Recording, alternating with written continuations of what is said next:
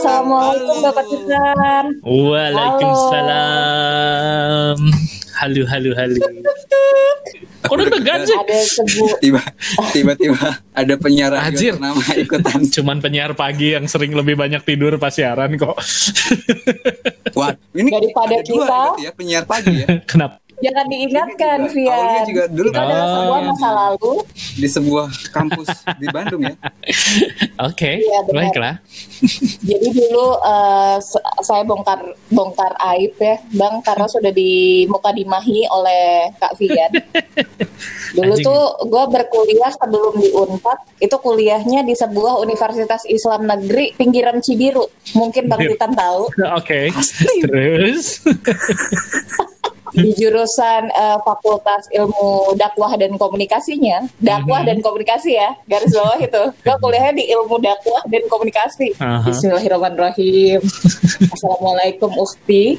Kak, ada sebuah radio eh, kampus. Dulu gue bercita-cita untuk menjadi seorang penyiar radio kampus dan gue masuklah itu ekskul eh, atau disebutnya UKM. Ketika Mhm. gue masuk ada pelatihan-pelatihan tuh satu bulan dua bulan terus kita pilih siaran mau siarannya jam berapa gitu untuk Hmm. tes gitu kan maksudnya untuk pelatihan itu tanpa gue kulik lebih dalam siaran paginya apa dan mendengarkan siaran paginya apa, gue merasa bahwa eh kayaknya siaran pagi seru karena biasanya kalau di radio-radio itu siaran paginya kan yang penuh semangat ya kan, yang Oke. musiknya jeduk-jeduk, pokoknya ngomongin orang banget. Gue ambil tuh, gue ambil gitar, ya udah gue siaran pagi. Taunya pas di briefing siaran paginya siaran dangdut bang, Allahu Akbar, ya kan? Gue kayaknya ya harus lo harus tahu penyiar dangdut itu dituntut untuk bisa eh, sedikit cengkok dan sedikit bisa genit dan gue nggak bisa itu tapi gue harus melakukan itu dan gue nggak bertahan lama di sana pokoknya gue cuma bentar terus gue out gue nggak bisa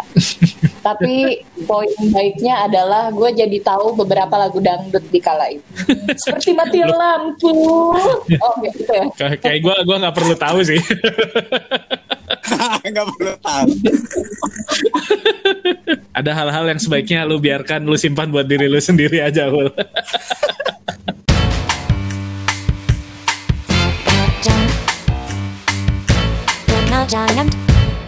Mau bahas Iya, jadi apa yang mau kita bahas Fir? Silahkan. polemik royalti yang baru-baru ini terjadi Oke, oke. Hot topic ya, hot topic. hot topic selama belum ada seminggu ya tapi udah naik terus ya Sekitaran ya, sekitaran seminggu kalau nggak salah tuh. Ih, masalah masalah per- Nah, iya. masalah apa masalahnya gue nggak tahu Lah, Ini ada masalah ya ini Masalahnya. susah nih nggak susah nih soalnya soalnya Titan sama gua itu kan jatuhnya adalah kami eh, pembuat ya Hmm, hmm, hmm. Iya. jatuhnya pembuat barangnya gitu sementara Hmm. yang yang ramai itu adalah mereka yang bukan pembuat tapi penikmat gitu yang Hmm. ramai-ramainya oleh penikmat netizen netizen dan kawan-kawan yang Hmm. bersuara itu yang ramai itu justru bukan sesama sebutlah musisi gitu. Nah itu yang bikin ramai. Tapi karena dia ramai jadi semua orang dia tahu oh ada apa sih? Ternyata ada se- sebuah apa ini namanya? Polemik. Gua mau ngomong bahasa. Iya polemik. Tentang cipta Nah, kalau kalian ya, kalau kalian berdua ini kan memang adalah orang-orang yang berkancah atau eh, terjun langsung gitu di industri ini gitu, ngeluarin karya musik Hmm. dan lain-lain. Sedangkan kalau gue nih orang awam yang sama sekali kayak apakah sampai harus segitunya kah royalti hak cipta lagu ini Hmm. diatur dalam perundang-undangan seperti itu. Kalau gue sebagai penikmat musik yang eh, sejak bisa mencari uang sendiri adalah kalau bisa gue beli legal ya lebih baik gue beli legal. Jadi gue mendukung saja kalau misalnya ada sebuah peraturan undang-undang yang mengatur tentang royalti hak cipta lagu atau musik gitu. Tapi kan banyak nih pro dan kontranya gitu kan. Ada bahkan salah satu ah, nggak tahu ya Julian Jacob itu apakah musisi ataukah influencer gue nggak tahu sampai dia juga kan ngeluarin statement ah, yang kontra banget gitu dengan suara musisi-musisi lain seperti Kuto Aji, Marcel dan lain-lain. Dia bikin kayak sebuah status yang kalau menurut gue bikin ada beberapa musisi juga yang tersakiti dengan status ini. Dia kayak bikin eh, kalian-kalian semua karya saya kalian dengerin aja, nggak perlu apa namanya nggak perlu bayar royalti deh ke gua. Dan itu kayak bikin banyak banget tuh komentar-komentar yang mendukung Julian Jacob dan juga yang tidak mendukung Julian Jacob. Nah kalau tanggapan Bang Titan sendiri nih tentang adanya eh, peraturan pemerintah tentang pengelolaan royalti hak cipta lagu atau musik ini yang kemarin 30 Maret ya diituin sama Jokowi itu gimana tuh? Nih bingung juga sih ya nih kalau mau jawab pertanyaannya karena ini eh, panjang sekali. Jadi pertama yang namanya royalti royaltian ini sebenarnya bukan ada ketika Pak Jokowi menandatangan ya. ini kan sebenarnya udah ada dari zaman dulu banget.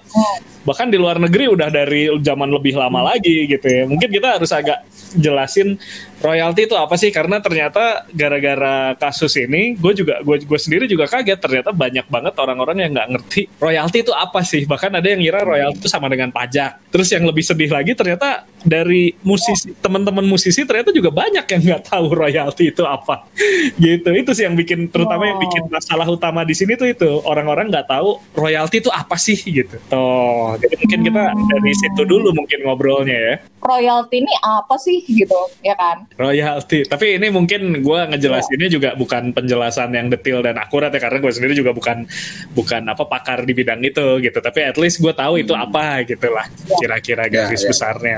Dan sebaiknya kalau Yes. terutama musisi sendiri tuh wajib wajib banget tahu royalti itu apa gitu. Karena itu hak mereka gitu ya. Jadi cara gampang ngejelasinnya apa ya? Mungkin ini gaji gaji musisi mungkin ya. pendapatan pasif Hmm, musisi mungkin. Ah, pendapatan musisi yang Passive apa? income. Heeh, passive income. Beda kan kalau active income kan misalnya kalau eh, gua atau Vian manggung di acara apa dibayar oleh panitia itu kan pa- eh, active income kan. Nah, kalau royalti ini Yes. itu bisa dibilang ketika kita mengeluarkan apa membuat sebuah lagu, terus kita mendaftarkan lagu itu eh, terdaftar di apa istilah di kalau di Indonesia itu ada namanya WAMI, ada YKCI, macam-macam Ya, lembaganya Ya, KCI. terdaftar di sana. Nah, itu kita berhak mendapatkan royalti. Ah, lembaga apa itu? Gue gue lupa yang baru. Betul. Yang Presindo pakai bahasa Inggris nih, Performance Rights Society Eh, ya, ya, ya, ya. Lanjut. Ya, itulah pokoknya ya. Ketika sudah terdaftar, kita tuh berhak mendapatkan pendapatan kalau lagu kita itu dipakai untuk tujuan komersil. Intinya sih gitu. Misalnya, anggaplah analoginya kita punya mobil nih, terus mobil kita dipinjam orang lain buat apa? Di, di- Tamasya. dia pakai mobil kita untuk tamasya, eh bukan, untuk disewakan lagi lah intilah Untuk- is- is- istilahnya. Jadi dia mungkin punya Oh, penyewaan mobil, tapi mungkin mobilnya habis atau gimana, terus tan lo punya mobil lagi nggak? Gue pin, gue butuh nih gitu. Nah, Pinjam nggak mungkin dong dia nggak ngasih bayaran ke kita sama sekali, soalnya mobilnya dipakai buat komersial, buat nyari untung sama dia. Nah sama dengan lagu juga, kita punya lagu, ketika lagu kita dipakai untuk oh, apa oleh orang lain untuk cari duit, ya kita juga harus dapat sesuatu dong. Masa dia doang yang dapat duit enak bener gitu kan? Intinya gitu, gampangnya sih gitu ya. Kalau mungkin penjelasannya mungkin bakal lebih rumit dan lebih detail, tapi mungkin biar orang-orang lebih ngerti gitu lah ya. Intinya sih gitu. Itu sebenarnya udah ada dari dulu di luar negeri itu udah udah dari sejak lama. Di Indonesia sendiri pun sebenarnya udah sejak lama. Kebetulan gue dulu pas di kampus zaman-zaman kuliah itu, aduh ketahuan umurnya tahun 2000, sekitar 2006 Iya 2007. Pak, kita semua tahu. Hmm. Oh lama juga ya? Ya lanjut. Ah ya. Adalah satu setengah abad yang eh, abad dekade. Nah itu gue di kampus sempet bantuin ada staf kampus yang kerjaannya emang dia punya kerjaan sampingan itu bantu ngurus-ngurus copyright lagu. Jadi secara nggak langsung dia juga Oh, Hmm, dia juga bantu-bantu kayak ngedaftarin eh, copyright suatu lagu, ngurus si royaltinya kayak gitu-gitu. Karena ternyata ya itu tadi yang seperti gue bilang ternyata banyak musisi-musisi yang nggak ngerti soal urusan royalti ini. Bahkan eh, terutama musisi-musisi tua waktu itu tuh yang udah berumur lah 2006 istilahnya. itu udah udah udah ada lembaga kolektifnya ya? Udah, sudah ada waktu itu. Bahkan udah dari sebelum gue nggak tahu sih mereka terbentuknya kapan, tapi pas 2006-2007 itu pun udah ada. Waktu itu gue urusannya sama YKCI, Yayasan Karya Cipta Oh, Indonesia. ya KCI. Mm, Iya kalau nggak salah, gua gua nggak terlalu tahu sih detail yayasannya, tapi ya itulah pokoknya. tuh ya itu ternyata tuh terutama kayak musisi-musisi yang sudah cukup berumur, yang mungkin udah tua tapi masih rajin bikin-bikin lagu kayak gitu-gitu tuh banyak yang nggak ngerti. Jadi dibantuin nih sama ceritanya masih teman temen-temen gue ini yang gue bantuin ini jadi dia ngebantu ngurus-ngurusin karena kasihan mereka juga banyak yang suka kena tipu jadi jadi eh, musik ya ini bukan rah- apa udah rahasia umum kan musisi tuh banyak yang eh, mohon maaf miskin Iya. iya Itu kayak agak menyebalkan kalau ada komen. berkekurangan lah ya mungkin Waduh. Hmm.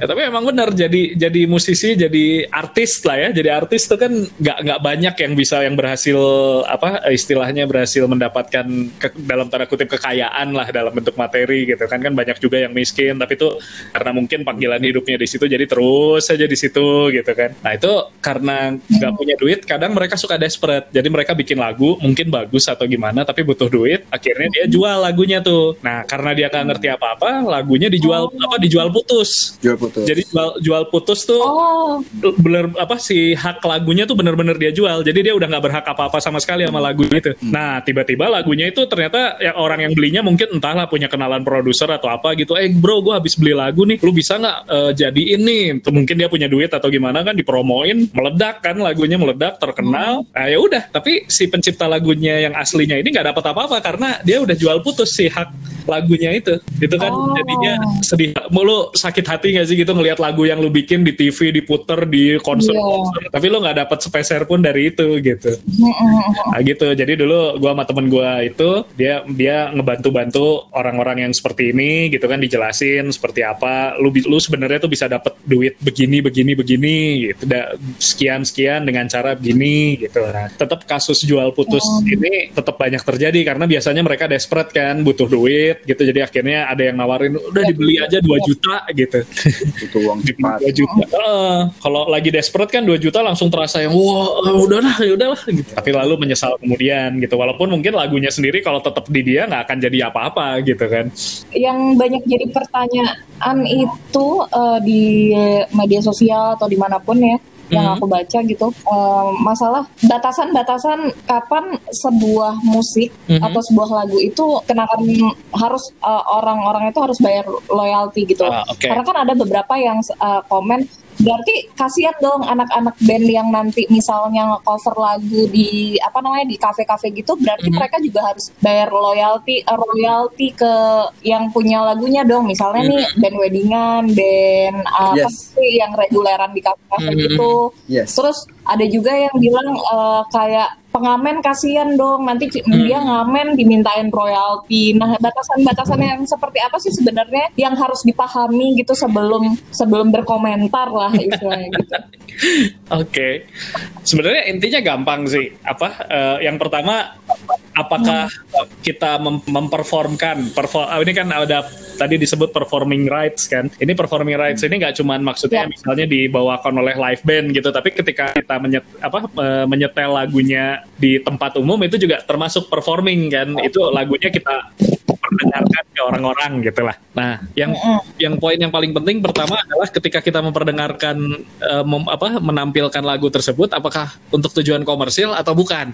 Jadi kalau misalnya kita cuman bawa pemutar lagu terus kita style misalnya lagi kemah, lagi camping sama temen-temen kayak gitu ya nyanyi-nyanyi bareng itu tentu aja tidak tidak perlu ya, royalti, nggak perlu. Karena nggak ada tujuan komersilnya kan siapa yang mau bayar lu nyanyi-nyanyi di tengah hutan gitu. iya tahu-tahu penontonnya ini kan banyak gitu tapi Iya. banyak goibnya gitu goibnya gitu ya kalau mereka ngasih duit ya, daun Iya tahu-tahu mereka kasih duit ya kan benar benar Udah, kemarin ini kan bukan kisah-kisah misteri malam Jumat udah lewat ya Belum. belum. oh belum Bu- Iya. bukan kisah misteri. Enggak, belum. Belum. oh belum Kisah misteri. ya gitu belum aja terus kemarin gue juga sempat lihat di Twitter ada yang apa ada yang bilang kalau nyanyi, nyanyi di kamar mandi ntar dimintain duit gitu ya coba pakai pakai Iya, pikiran iya, iya. Ada juga tuh yang komen kayak gitu. Itu agak berbahaya ya. coba agak-agak pakai logika dikit gitu nggak mungkin lalu nyanyi-nyanyi bugil di kamar mandi situ tiba-tiba ada yang dari lembaga kolektif gitu mas eh, barusan Dari Wami ya ketok. Iya, iya. Ya, permisi Mas. Tadi barusan siul-siul ini ya, Mas ya. Iya, lagu lagu tut gitu ya. kan nggak mungkin gitu kan kecuali kalau lo mandinya Iya, betul, di, betul. di depan umum gitu terus lu narik bayaran dari orang yang yang ngedengerin lu nyanyi nah itu baru lu, lu dap kena tuh Tapi siapa juga yang mau ngelihat lu Oh, Bugio? oke, oke. Pertanyaan yang banyak diajukan tuh kan yang soal kalau band weddingan, band di cafe kayak gitu kan. Itu jelas kena royalti karena mereka menampilkan lagunya di depan umum, wedding, terus kemudian di cafe. Tapi harusnya band bukan bukan bandnya yang bayar. Jadi yang Oh. punya cafe, yang punya cafe. Kalau dalam wedding itu uh, wedding organizer itu wedding organizernya yang yang bayar. Jadi kalau WO eh, Yang bayar lo Hmm, jadi WO itu biasanya kalau yang kalau di luar sana yang setahu gue gue pernah diceritain itu mereka si WO-nya tuh punya punya list lagu yang mereka udah pegang udah pegang izinnya nih. Jadi lagu-lagu tersebut apa band yang Oh, band oke. wedding yang tampil itu cuman boleh mainin lagu yang ada di list tersebut. Jadi nanti dikasih ke bandnya nih list lagunya silahkan pilih dari sini. Biasanya listnya panjang banget kayak daftar buat lagu karaokean. Nah itu nanti tinggal didaftar aja. Jadi mereka nanti tinggal ngedaftar Betul, lagu apa aja yang dimainkan, terus laporan ke lembaga kolektifnya, udah beres kayak gitu. Cuman mungkin kalau di sini gue emang belum berjalan dengan seperti itu sih. Cafe juga sama. Cafe biasanya ngelist lagu-lagu apa aja yang mereka apa yang mereka putar selama ini, terus tinggal dilaporkan gitu ke si lembaga kolektifnya. Nah kalau pengamen paling rancu kan pengamen ya. Jadi pernah dijelasin. Gue gue juga pernah nanya Betul. gue pernah nanya kalau pengamen gimana gitu masalahnya mereka kan komersil kan mereka cari duit dari itu kan secara teknis iya waktu itu eh, teman gue yang kebetulan kerja di bagian eh, yang yang ngurus-ngurus ini itu dia bilang secara teknis iya pengamen itu sebenarnya harusnya ditarik royalti tapi tidak jadi masalah karena pengamen tidak dianggap tidak merugikan tidak merugikan si pencipta lagu atau yang punya apa eh, pemilik intelektual propertinya karena kebetulan apa ya istilahnya eh, batasan merugikan atau enggak ini sebenarnya memang nggak belum ada ya nggak ada cuman kan pengamen maksudnya lu dapat Iya. apa sih gitu kan kayak gitu jadi mereka Iya. juga ya ada, udah ada, ada Iya. batas bawah kali ya. mungkin kali ya Pendapatan yang diperoleh kali ya. Mhm, mungkin mungkin baiknya seperti itu juga. Kalau pengamen sih kayaknya kita udah tahu lah gitu maksudnya ya udahlah ya gitu. Tapi secara teknis sebenarnya harusnya kena juga gitu. Kalau teknis ya teknis yang kita bener-bener apa, mentah-mentah gitu, itu harusnya kena juga Betul. seperti itu. Atau ini deh, Karena kalau misalnya ngomongin pengamen nih, kalau misalnya mau ngomongin pengamen nih, Bang Titan, Mhm. eh, kita lihat ada di beberapa kota di Indonesia itu kan ada angkot ya. Mhm, mhm. Angkot itu suka muter musik juga ya kan. Aha.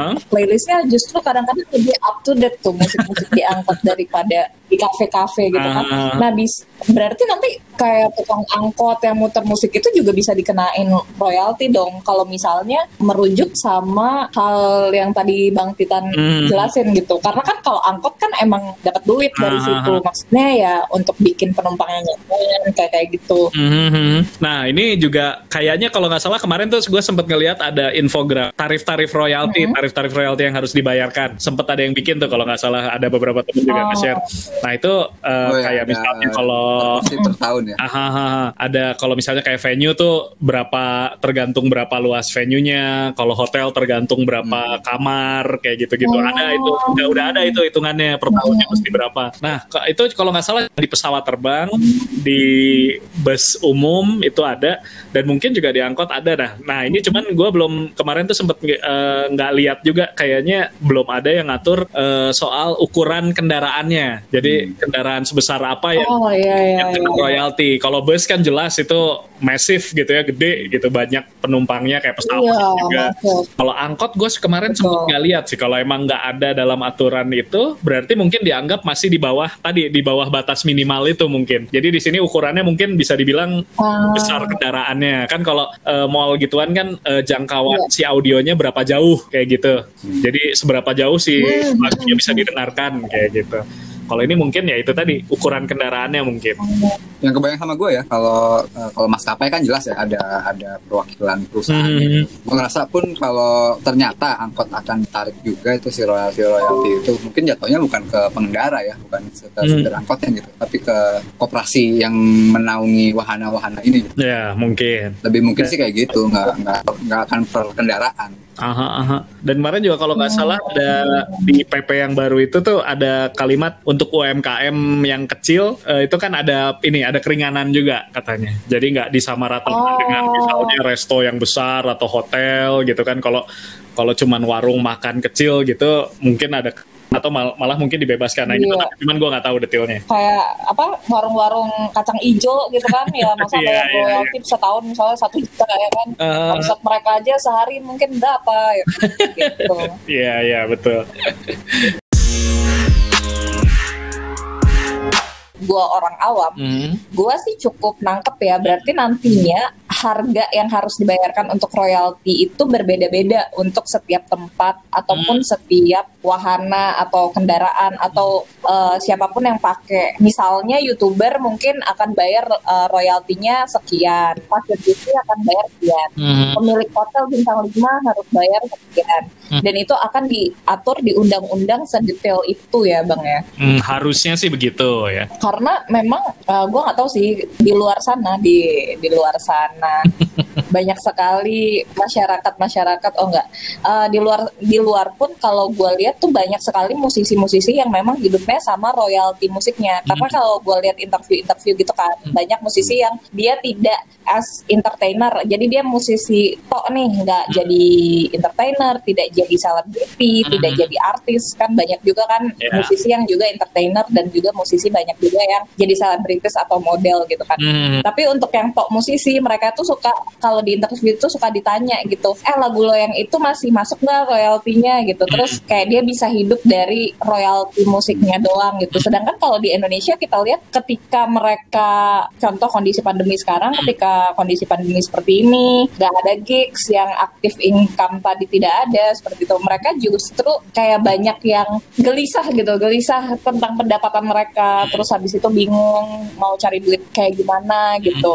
Dan banyak juga yang musisi-musisi yang belum gede-gede maksudnya yang masih musisi indie atau masih yang ya mereka income-nya mungkin dari gigs-gigs kecil dan sekarang gigsnya udah nggak ada dan mereka bingung nih eh, dapat duitnya dari mana padahal sebenarnya kan dari royalti itu sebenarnya udah bisa menghidupi gitu loh. Hmm, hmm, hmm. Nah, ya itu memang Mm-mm, jadi Jadi kan sebenarnya royalti ini kan bagus harusnya, cuma Terus, penangkapan masyarakat awam. Kalau dikira-kira ya, itu sebenarnya pendapatan bukan pendapatan paling banyak ya apa ya? eh, pemasukan utama musisi itu dari mana sih sebenarnya? Hmm, musisi tergantung sih, beda-beda tiap tergantung jenis musisi. Ada salah satu waktu itu gue sempat baca satu artikel yang ngelis pendapatan terbesar musisi dan ini musisinya benar-benar di seluruh musisi gitu lah, semua semua jenis musisi dimasukin sini lah gitu.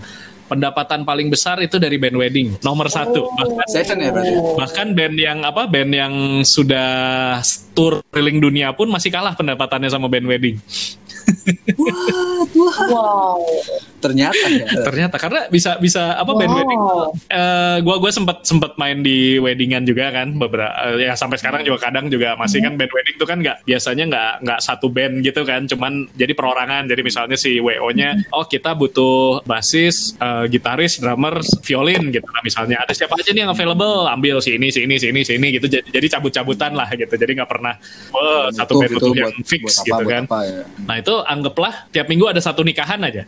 Berarti dalam sebulan ada empat nikahan kan. Nah anggaplah misalnya yang nikahnya mungkin minimalis gitu. Misalnya si si bandnya tuh cuman yang berlima lah gitu. Terus bayarannya dua dua setengah juta misalnya. Berarti seorang dapat lima ratus ribu kan sekali manggung. Yap. Sekali manggung itu sekitaran ya paling dua jam, dua tiga jam lah kan. Bawain lagu-lagu pop yang Iya, iya. bisa dibilang gampang gam- nggak nggak susah terus dalam sebulan kali berarti kita kerja cuman sekitar anggaplah tiga tiga empat jam lah ya empat jam eh, waktu kotor lah tambah perjalanan segala macam cuman empat jam dalam sebulan udah dapat 2 juta dan itu biasanya band wedding Lumayan juga. band wedding pun nggak nggak nggak sering latihan karena mereka kan paling lagunya band wedding kan itu itu lagi kan Itu itu aja ya. Eh, kecuali mungkin kalau ada request aneh, request unik dari yang punya yang pasangannya gitu, baru latihan kan. Latihan juga paling Aku sekali. mau lagunya Heno Heno Moheji yang dong, gitu ya. Amin. Aduh, ya kayak gitu. Jadi nggak perlu Iya, iya, nggak iya. perlu ngapain, tinggal datang langsung main. Itu tuh enak enak banget kalau misalnya kita udah udah udah dalam tanda kutip udah jago lah gitu kan. Biasanya tuh pem- band wedding tuh kan playernya jago-jago kan. Mereka suruh improve di tengah panggung aja juga pa- apa Hmm. bisa gitu. Kalau udah di level itu udah nyantai aja udah. Dan itu tiap minggu bisa apa nggak nggak cuma bisa nggak cuma satu nikahannya bisa dua, bisa tiga dan lima ratus Betul, betul. Sabtu, Sabtu siang, Bahkan Sabtu dalam malam. satu- gitu. Hmm, satu malam gitu ya. Satu hari itu apa? Betul betul. betul. Bisa ada nikahan pagi, nikahan siang, nikahan malam. Bahkan kalau ngikut standar internasional, temen gue kebetulan kan ada yang dia tarifnya eh, ngikutin standar internasional. Itu nikahan pagi sama nikahan malam itu tarifnya pun beda. Iya, Eh, kalau Wow. malam itu lebih mahal biasanya. Anggaplah misalnya kalau pagi itu 800 ribu seorang, kalau malam tuh bisa satu sampai satu setengah juta per orang gitu. Itu sekalian tuh. Gila. Ya, lu Enak bener. lu nggak perlu nggak perlu bikin lagu lagi ya. Bawain lagu orang ya. bawain lagu orang makanya kan kebayang kan lo lagu lu dibawain berkali-kali di nikahan orang-orangnya dapat banyak duit tapi si pencipta lagunya kalau nggak dapat apa-apa kan sedih juga ya Iya Sedih juga gak sih? Sedih. Kayak pendapatan band wedding tuh gede-gede Sedih aku tuh. kalau nggak salah yang kedua terbanyak itu band yang touring kalau nggak salah tuh band yang touring itu di keliling Nomor dua ya. Mm-mm. Dan itu pendapatannya pun eh, campuran dari biaya dia apa fee dia touring sama penjualan merchandise kayak gitu-gitu. Merchandise. Cuman itu mungkin artikelnya udah agak lama. Gua nggak tahu nih, apakah kalau kayak orang-orang yang nge-cover lagu di YouTube tuh pendapatannya apakah sudah mendekati yang itu atau bahkan melebihi atau enggak? Gue nggak tahu. Karena artikelnya udah cukup lama juga waktu itu. Cuma yang kadang Nah, tapi orang- ada satu- orang banyak tahu tuh kalau band touring tuh mereka nggak dapet tuh kotor ya sebenarnya. Karena kan harus dibagi ada kru lagi, Ya. ada Benar-benar. buat bawa apa, di uh, Mm-mm. kasih alat Itu- lah, terus masih orangnya. Yoi. Itu juga mungkin band-band yang udah besar ya. Kalau yang band-band masih ya dalam tanda kutip abal-abal mah mungkin malah nol pendapatannya habis sama mabok-mabok di jalan Pas. mungkin. ada ada apa ada komen juga nih tentang yang royalti uh, dari netizen ya kan Hmm. katanya tentang UU royalti ini. Lah musisi itu kan harusnya justru bayar dong ke kafe atau ke supermarket Biar atau ke hotel yang muterin lagu-lagu mereka. Kan mereka udah dipromosiin gratis. Kenapa harus mereka yang bayar ke musisi? Nah itu tanggapan Mas Titan. Eh Mas Titan. Aduh ini kenapa sih gue hari ini? Bang. Aduh, aduh, aduh. Bang Titan. Yo. Bang. Oh jadi mas. Tadi barusan aku Nah Balik lagi ke topik Soal Jadi gimana ya. tuh tanggapan Bang Titan nih Tentang statement yang Komen-komen yang bilang Musisi itu harusnya bayar dong Karena dipromosiin gratis Gitu pertanyaan gua, gua gua malah mau balik tanya ke orang yang ngomong kayak gitu. Band mana? Band mana Uh-huh. atau tuh musisi mana yang datang ke mall atau datang ke kafe, "Bro, puterin lagu gue dong." Mana? Gue dong. Yang mana? Coba tunjuk. oh, Gak ada. betul, betul, betul, betul, betul, betul, betul, Gak ada. Kecuali mungkin kalau temen gitu ya, mungkin misalnya betul, betul. Aul punya kafe, Ul, puter lah kali-kali lagu gue. Nih, nih, nih, filenya kalau gitu mah oke lah gitu kan. Tapi kalau misalnya ke mall, kayak Ya, ke tempat karaoke, ada nggak sih? Band gitu dateng ngedatengin tempat-tempat kayak gitu, Terus, bro puterin lagu gue lah. Kagak ada. enggak sih, enggak sih. Mereka randomly aja muter tuh tukang supermarket tuh, tukang ya kan. Suka. Kan. Enggak. Hah? nggak lagian nggak masuk akal jadi anggaplah gue gua punya gue punya mall nih atau gue punya kafe gue pengen bikin eh, pengunjung mall atau pengunjung kafe gue ini merasa nyaman gitu bisa ngedengerin lagu-lagu yang mereka suka garis bawahin lagu-lagu yang mereka suka berarti lagu-lagu populer dong lagu-lagu populer ini Iya. bandnya udah bisa dibilang namanya udah gede kan? Eh, ngapain gue Yes. ngambil band-band yang misalnya nggak terkenal gitu lagunya nggak terkenal atau eh, apa ya eh, belum punya nama kayak itu. Kalau gue style orang bingung dong. Ini lagu apa sih? Gitu kan. Lagu apa nih? beda kan ketika misalnya kita Iya, detail betul. tulus Raisa gitu kan orang tahu kan gitu. Oh iya lagu ini. Wah, apa mereka butuh dipromosiin nama? Maksudnya orang apa mau muter lagu itu justru ya karena lagu itu populer bukan untuk mempopulerkan lagu tersebut bener nggak Bener dong. iya Karena kalau yang diputar bukan lagu populer, ntar pengunjung juga bingung ini apa sih? Ini mau muter lagu siapa sih gitu kan? walau walau mungkin Jadi ada sebenarnya lagu-lagu yang diputar ada pasti. Mhm. Ada pasti titipan-titipan sponsor kan ada. Misalnya ya, saya gua kerja di supermarket jadi yang ngurusin itu playlist ya kan. Hmm. Ah gue punya kenalan nih anak band. Oh gue punya kenalan anak band Heno Heno Moeji gue masukin A1 bodo amat Ya, pengunjung suka ya. apa enggak yang penting. Tapi kan itu balik lagi willingnya orang yang bekerja di sana bukan si band ini yang minta, ih puterin dong, puterin dong lagu gua kenalin dong gitu ya kan. Mm-mm. bukannya terus para musisi nggak bersyukur Betul. ya lagunya diputer gitu. Tapi ya balik lagi ke yang tadi gitu. Mereka nggak nggak emang nggak pernah minta gitu kan. Dan mall ini kan Yes, ber- memutar lagu itu tujuannya pasti tujuannya buat buat bikin buat buat keuntungan mereka kan bukan untuk keuntungan si band. Rasa nggak ada deh. Iya mall yang muter lagu wah kita puter yuk. Buat biar eh, Noah makin sukses. Nggak ada.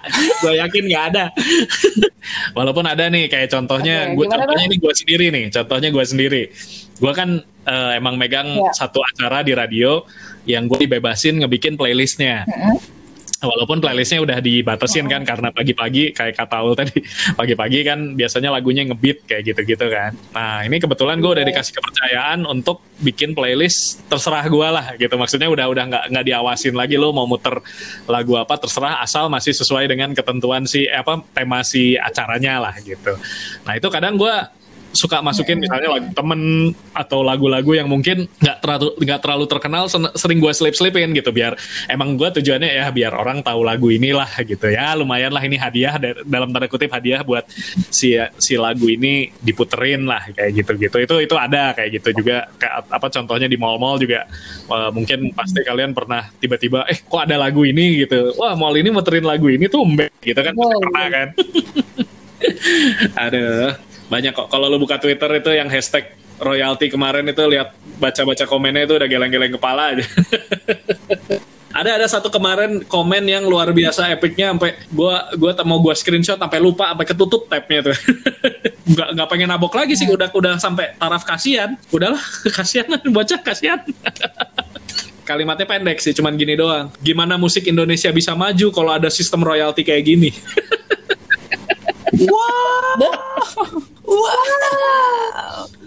Jubidu bap bap bap. justru, justru. Saya ingin tahu deh, eh, pengen kenalan gitu di dunia nyata sama orangnya, terus dijejelin sama kos kaki. Gitu. Hmm, ya Allah. ngomong jangan sembarangan. Ya, ya, ya emang bingung sih ya. Ya inilah, tapi gue gua seneng sih apa, apa tentang royalti ini di terangkat gitu. Jadi kita juga jadi sadar, jadi aware kan ternyata Ramai banyak ya. yang nggak tahu gitu. Sadar bahkan dari kalangan musik. Ya. Bahkan sama, sama musisi pun juga nggak tahu kan. Kalau orang awam nggak ngerti, gue masih bisa ngerti lah. Betul. Ya, Oke lah. Gitu. Saya kan di sini mewakili suara-suara orang awam yang ingin mengerti tentang royal.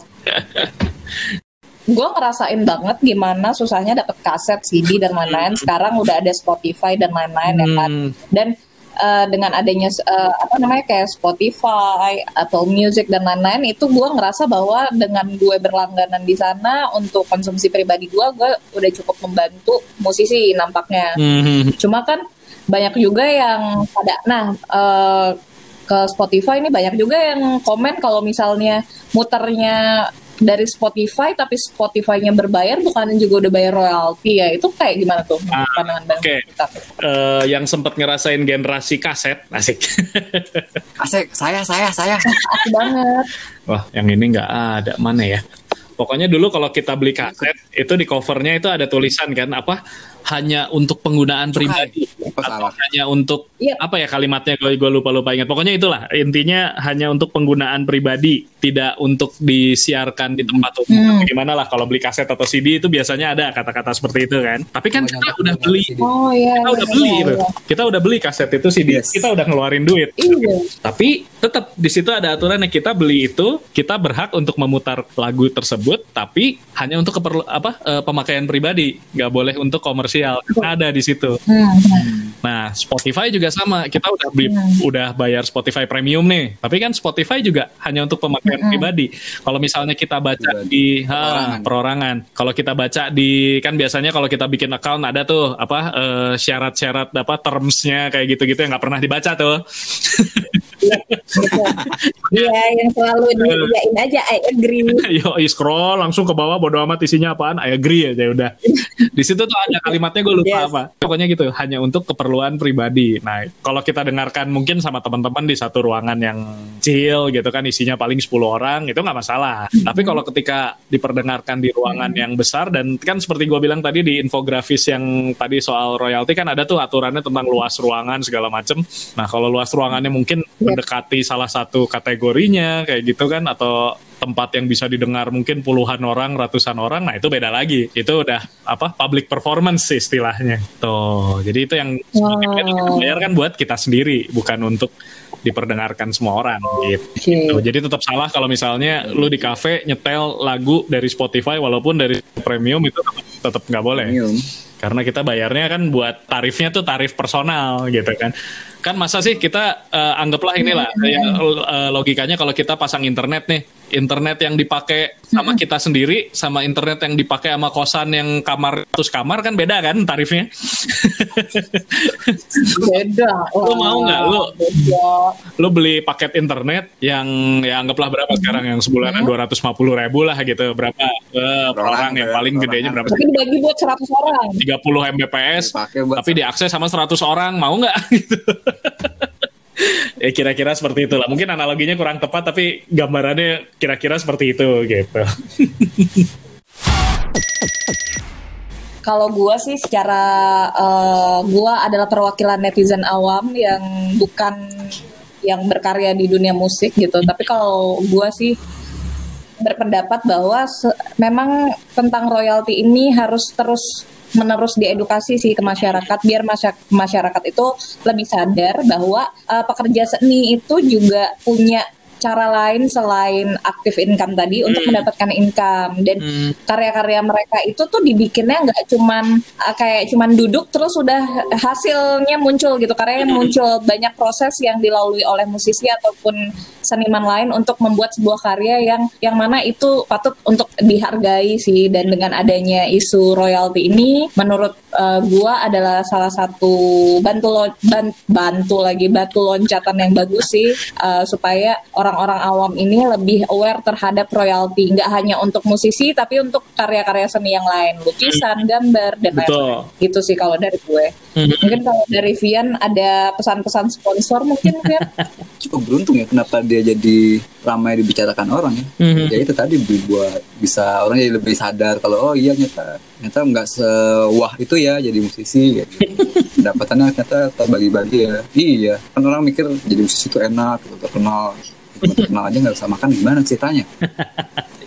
benar benar benar emang ini soal royalti eh, gua gua sendiri tentu aja setuju banget ya soal dengan adanya apa PP soal royalti ini. Berarti kan walaupun tentang royaltinya sendiri kan udah ada dari dulu sebenarnya mungkin PP ini untuk memperkuat lah gitu. Untuk mempertegas atau bahkan mungkin sengaja untuk eh, meningkatkan awareness masyarakat soal royalti ini gitu. Nggak nggak tahu lah ya kalau yang itu. Tapi gue bisa mengerti sikap masyarakat yang mungkin udah skeptis sama pemerintah sih. Karena ya bukan rahasia umum lagi. Apa-apa kan kita kalau urusan sama pemerintah tuh meragukan ya.